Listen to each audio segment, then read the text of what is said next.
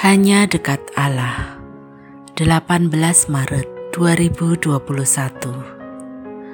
Panjang sabar.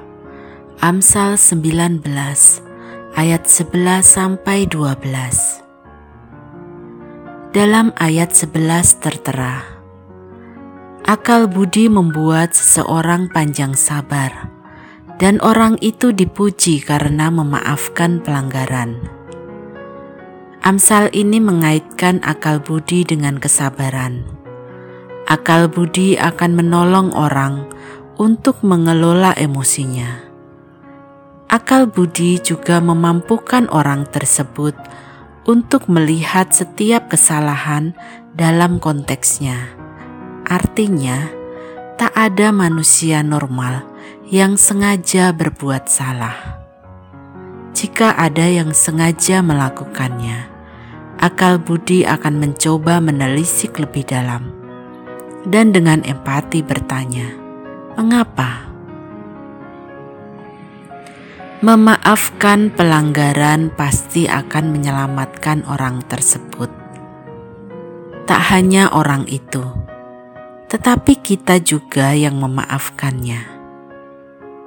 Sebab kita akan terhindar dari kesalahan yang lebih besar Misalnya, jika orang yang tidak sengaja melakukan kesalahan langsung difonis berat, bisa jadi dia tak lagi mempercayai kepemimpinan kita.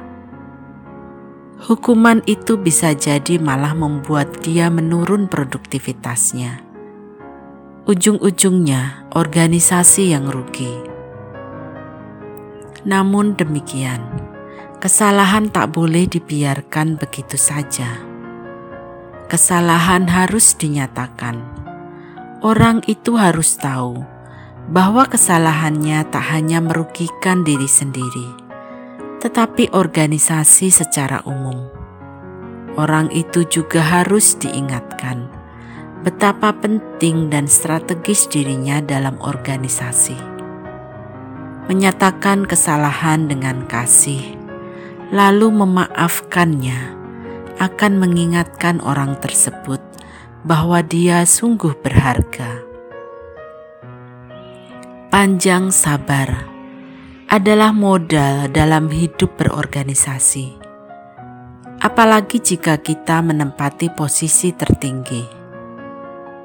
Amsal berikutnya menyatakan, kemarahan raja adalah seperti raung singa muda tetapi kebaikannya seperti embun yang turun ke atas rumput.